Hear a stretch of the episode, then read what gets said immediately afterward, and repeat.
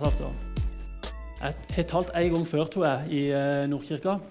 Og det var faktisk på julaften. Og da var jeg litt sånn som Sigrun var i stad, at eh, da var jeg reserven. Da var Kristian veldig tydelig på at uh, Simon har spurt alle jeg kommer på. Kan, kan, du, kan du tenke deg? Og sånn, sånn, var det faktisk litt i dag òg. For det er Kristian, han, meg og Kristian er mye kamerater. Nå snakker jeg om Kristian Vatne, Nesbø Vatne, som er pastor her. Og meg han, vi er, vi er kamerater, og vi bor rett over veien for hverandre. Og Så var han hos meg og så sa han, vi skal på konferanse, veldig mange fra lederskapet her. Kunne du tenke deg å tale? Og Så sa jeg ja, det kan jeg tenke meg. Og så sa han det var bra, for jeg har spurt veldig mange nå. Så han var tydelig på det. Det var ikke den første han spurte. Eh, men, men, da sa han jo til hans forsvar så sa han, jeg burde spurt deg mye før, for du sa jo ja. Men eh, jeg syns jo det er helt fint å komme inn sånn på den måten. Eh, så i min taleserie nå, som Sigrun sa, som heter 'Menn Gud'. Og det handler, handler jo litt om åssen Gud Åssen det å leve med Gud, hva slags perspektiv det gir oss i møte med urolighet og vanskeligheter og disse her tingene som vi møter på. Hva har Gud å si om disse tingene? Og hva betyr det for oss, det som vi kan lese om i Guds ord, som er relevant i dag? Det var relevant før, og det vil være relevant i morgen. Tema i dag. Nå kan du ta opp, den, eh, ta opp bildet over. Takk. Det er krig, men Jesus er fredsfyrsten. Det er temaet i dag. Og Da er vi i Romerbrevet, kapittel 5, vers 1-5. Og Romerbrevet det er jo et brev som eh, Paulus skrev til menigheten i Roma.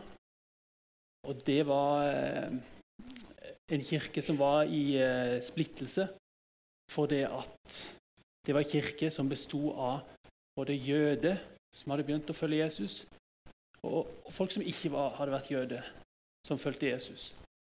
Og så var det sånn at han keiseren han forviste jødene, og de måtte, de måtte være vekke i fem år. Da ble på en måte det oppheva. Og så når de kom tilbake igjen, da, så så de det at denne kirka, denne kristne kirka den hadde blitt veldig ikke-jødisk. Og Da kom de tilbake igjen og så begynte de å diskutere ja, hva med sabbaten. Kan vi spise dette? Kan vi spise dette? Må vi omskjære oss?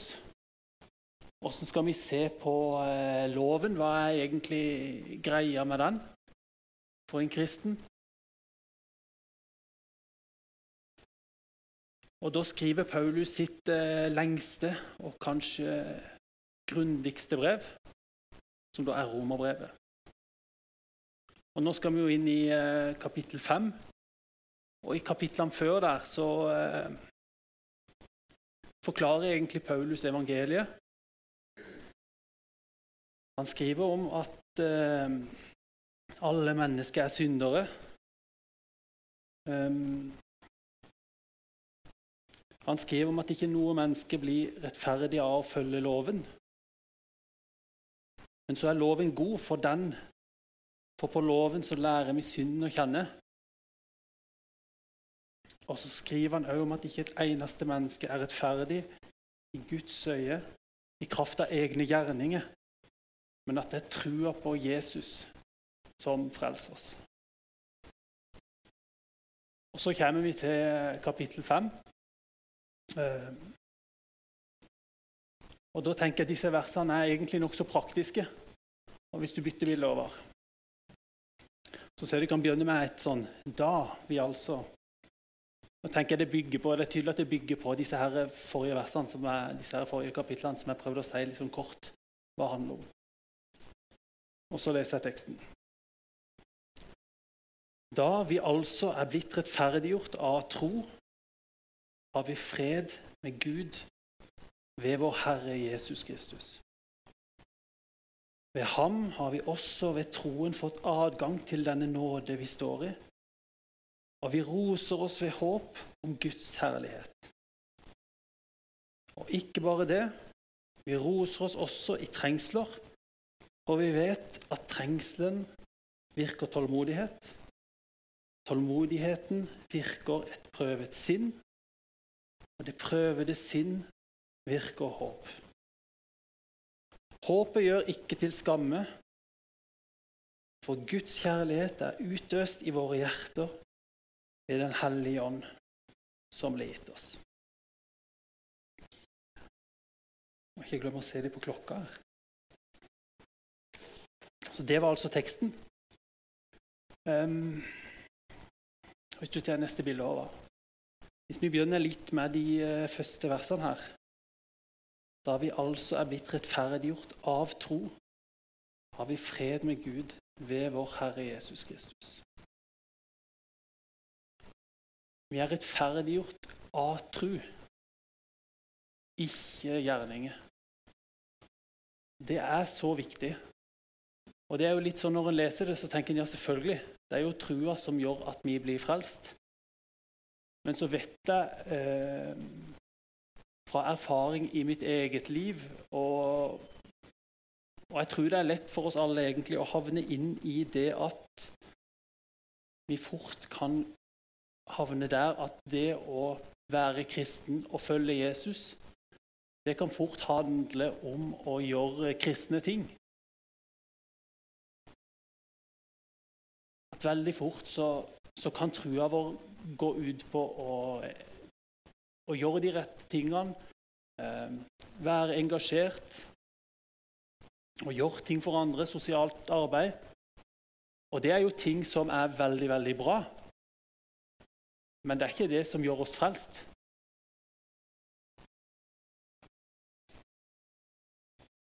For det, det er jo trua som skal skape gjerninger, ikke motsatt. Er det noen av de der barna som, uh, som blir ringt? Ja. Takk skal du ha. Det, var liksom, det gikk liksom litt tid, og så dette går greit, tenkte jeg, og så kjente jeg at ja, nei, den, eh, den telefonen der må stå på ringe. Nei, det er, altså, det er jo trua som skal skape gjerninger, og ikke motsatt. Det stender jo i eh, Jakobs brev at ei tru uten gjerninger er ei død tru. Så gjerning er en veldig viktig del av det å være kristen. Men det må på en måte være resultatet av trua, ikke ei erstatning for trua. Og det er Det kjenner i hvert fall jeg. At det, den der må jeg jobbe med hele tida. Og av denne trua da, så har vi fred med Gud. Og Da er det ikke snakk om fred som i fravær av krig. Selv vi lever jo i ei urolig tid, og eh, det er jo mye krig i verden. Også, og nå tenker vi at nå er det ekstra ille, for nå er det krig i Europa òg. Og da kjenner vi på det på en helt annen måte. Men her er det nok ikke snakk om, eh, om en sånn type fred, egentlig. Og Jødene de venta jo på en fredsfyrste. Det var jo profetert i, eh, i Jesaja, kapittel 9, vers 6. Der stender det For et barn er oss født, en sønn er oss gitt. Herredømmet er på hans skuldre, og han skal få navnet underfull, underfull rådgiver, veldig Gud, evig far, fredsfyrste. De så nok for seg en som skulle skape fred, sånn som vi ofte tenker på fred. Skulle kaste ut romerne og eh, kanskje gjøre Israel større, i hvert fall skape fred. Men den freden som vi leser med disse versene, det er ikke en sånn type fred. Det er en fred mellom oss mennesker og Gud. For det at vi mennesker naturlig så er vi i en opposisjon mot Gud fordi vi har synd i livene våre. Og denne freden det er en fredsavtale som Jesus kommer og forsegler mellom oss mennesker og Gud. når han dør på korset for våre synder. Og når vi tror på det, da er vi i fred med Gud.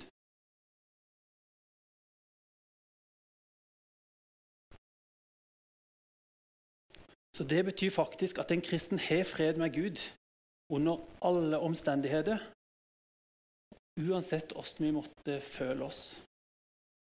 Det er noe som er konstant. Men så kan vi jo føle på en fred. Det er jo sånn vi ofte bruker ordet fred. Ofte handler, jo det om en følelse. For det er klart at denne teologien den gjør jo noe med hvordan vi møter omgivelsene, og, og, hva slags perspektiv vi har. Og Det skal jeg komme litt tilbake til. Om,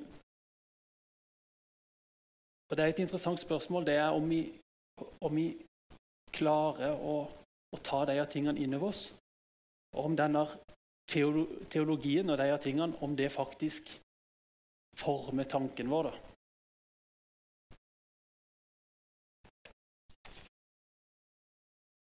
Neste bilde. Ved ham har vi også ved troen fått adgang til denne nåde vi står i, og vi roser oss ved håp om Guds herlighet. Og når jeg leser de av versene, etter jeg har lest de første versene, så tenker jeg nesten at det er litt sånn smør på flesk.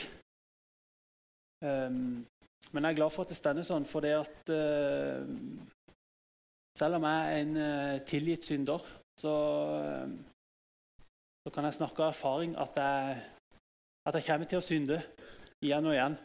Så, sånn er det bare, og det gjelder oss alle. Og derfor så trenger vi tilgang på denne nåden. Og dette håpet om Guds særlighet, som vi skal få bli en del av, det er et fantastisk håp. Og det er ikke sånn et håp som Når vi ofte snakker om håp, så er det jo sånn Ja, jeg håper at jeg får reist på hytta til helga. Eller jeg håper at eh, laget mitt vinner fotballkampen i morgen. Sånn snakker jo vi ofte om håp. Men dette her er en litt annen type håp. da. Eh, dette er jo et håp som aldri skuffer, og som vi virkelig kan regne med. Håp om Guds særlighet.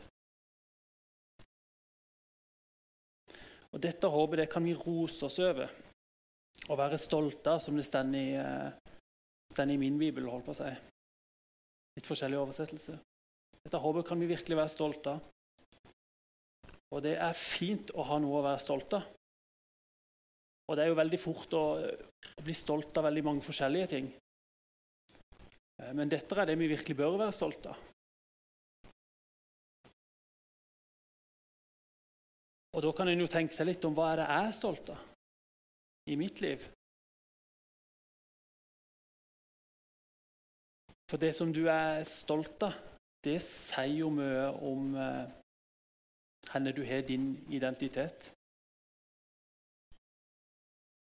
Og den beste plassen vi kan ha vår identitet og vår selvfølelse, det er jo i det at Gud har skapt meg. Han har en plan med meg. Han elsker meg. Og derfor er jeg verdifull. Uansett åssen jeg presterer. Uansett hva jeg får til.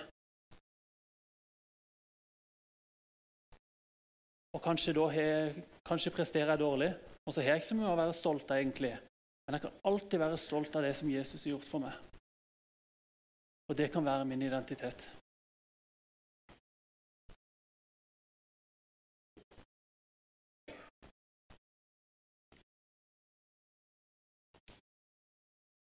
Kan du ta neste, Håvard?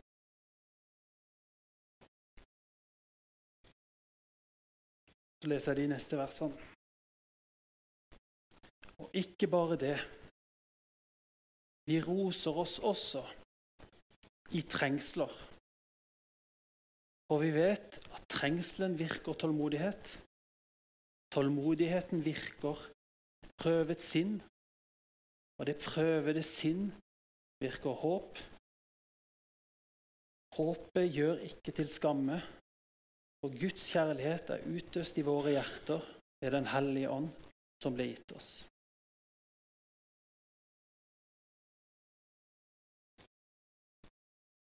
Her skal vi over i et litt annet eh, tema, nemlig eh, lidelse. For det å gjennomgå lidelse og, og trengsler eller vanskeligheter, det stender jo egentlig veldig sentralt i Bibelen.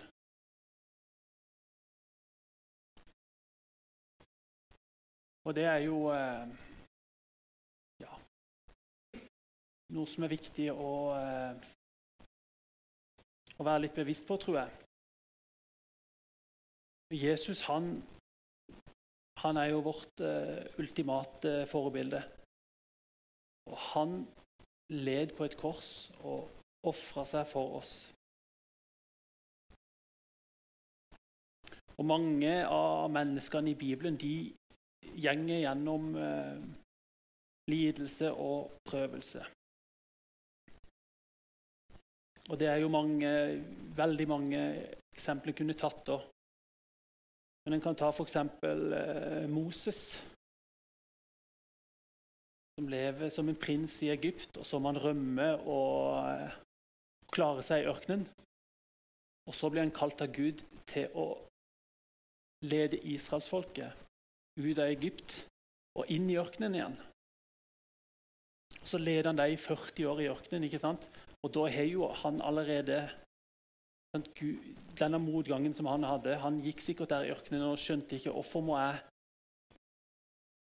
lide meg gjennom dette alene. Og så plutselig så skal Gud bruke han til å hjelpe israelsfolket til å gå gjennom ørkenen. Han ser ikke hvordan det som han hadde vært igjennom, som hadde vært motgang for han, det var noe som Gud brukte for å forme han til den som han skulle bli, og for å gi han de egenskapene som han trengte for å gjøre det som Gud hadde tenkt med han. Det er mange sånne eksempler en kunne tatt.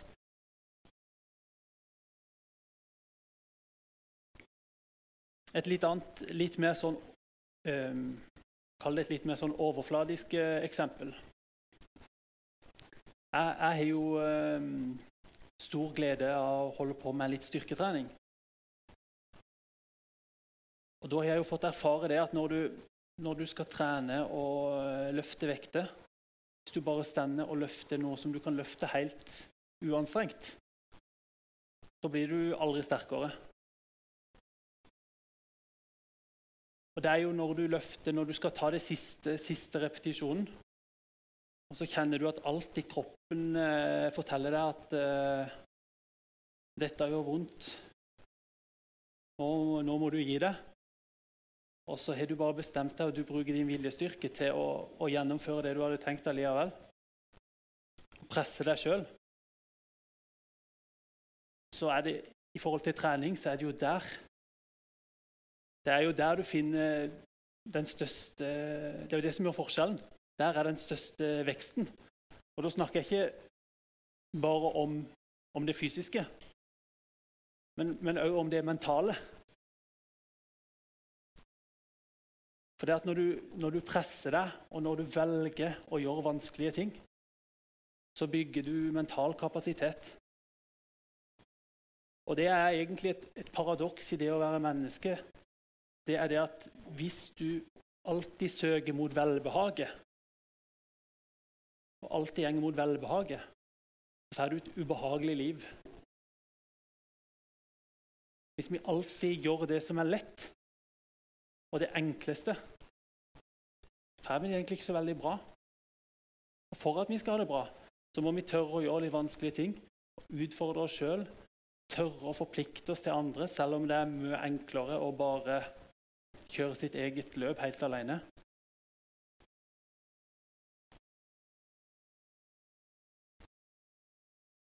Hvis vi skal vokse som mennesker, så må vi ofte stå i vanskelige ting. Men så vet vi at Gud han vil være med oss, og han vil forme oss underveis.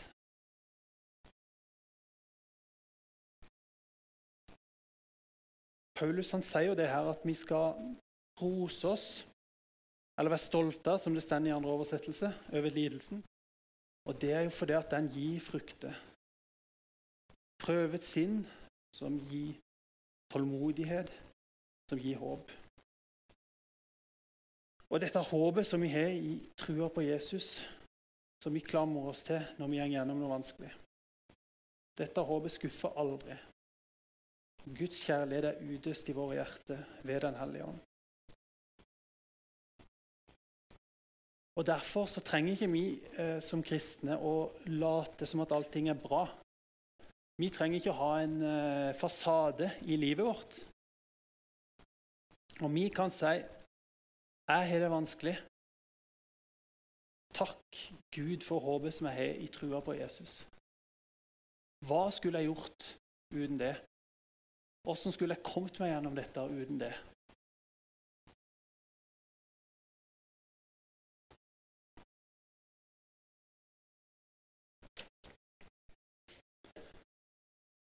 Derfor kan vi være ærlige med livene våre.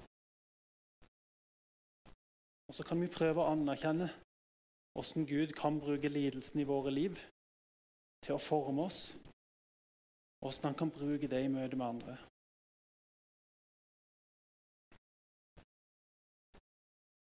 Det er jo eh, veldig, veldig utfordrende, egentlig. Og så spurte jeg dere om i stad om om vi la teologien forme tanken vår. Og Det spør jeg om uh, igjen nå. Har vi dette perspektivet med oss når vi møter vanskeligheter og motgang? Jeg tenker jo det at vi kristne har en fantastisk mulighet til å ha et evighetsperspektiv når vi går gjennom livet. Et evighetsperspektiv når vi møter på utfordringer. Vi kan se det vi møter på, opp mot det faktum at Jesus er dødd for våre synder, så vi har en plass med Gud i evigheten. Hvis vi klarer å ha det med oss, så forandrer det hvordan vi responderer på det vi møter på. Og Hvis vi har det perspektivet, så kan vi òg føle på en fred. Ikke bare ha fred med Gud, men òg føle på en fred. Jeg sier ikke at det er lett å eh, praktisere i det hele tatt. Men jeg mener at det er forankra i Guds ord, og jeg syns at det er viktig å løfte opp. Og òg fordi at eh, min erfaring er at Ofte når en stender i, det, stender i vanskelige ting, så er det jo da det er vanskeligst å ha dette perspektivet. Og Da tror jeg det er viktig å, å prøve å bygge et godt fundament i livet. Og så kan jeg nok tenke sjøl at når jeg, når jeg har stått i vanskelige ting over tid, så eh, har jeg opplevd at det er en sammenheng mellom det å kunne ha et sånt perspektiv, et sånt evighetsperspektiv i møte med de tingene, at det ofte har en sammenheng med om jeg klarer å ha en, en god rytme på eh, bibellesninga mi. Jeg klarer å, å, å, bruke tid i bønn hver dag. Jeg opplever at det er en sammenheng der. Og at Hvis jeg syns det er vanskelig å ha det perspektivet, så kan jeg ofte si at oi, nå, er det, nå er det lenge siden jeg har lest i Bibelen. Så jeg tror det er viktig å, og gjøre det en kan for å, å bygge et sånt fundament. Med Bibel og bønn og, og fellesskap med andre kristne. Og så kan vi be Gud om, om, hjelp til dette og hjelp til å gi dette plass i livet. Og så kan vi be han om hjelp til at vi skal kunne la denne teologien som det er, at det skal forme tanken vår. da. I 2. Korinterbrev, kapittel 12, vers 10, så sier Paulus Derfor er jeg vel tilfreds i skrøpelighet, under mishandling, i nød, i forfølgelser og trengsler for Kristi skyld. For når jeg er skrøpelig, da er jeg sterk.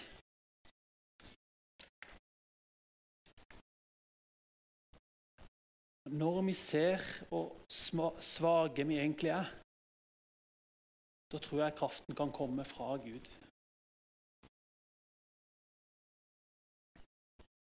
Nå kan egentlig, nå går jeg mot en avslutning, så nå kan lovsangsteam komme opp. Um, så skal jeg avslutte med en liten sånn uh, anekdote. Um, en liten sånn parallell til, til, de versene jeg akkurat leste. Og noe en uh, venn sa til meg en gang, som gjorde inntrykk på meg. Og Det var da en venn som sto i en veldig eh, vanskelig situasjon og var under et stort press. Og så har du akkurat fortalt meg om hvor vanskelig eh, den situasjonen var. Og så sa hun det som gjorde inntrykk på meg. da. Så sa hun ja, ja, Jesus bar verdens skyld på sine skuldre, så jeg kan vel bære litt au. Når vi er svake og ser at vi trenger Guds kraft for å stå i vanskelige ting,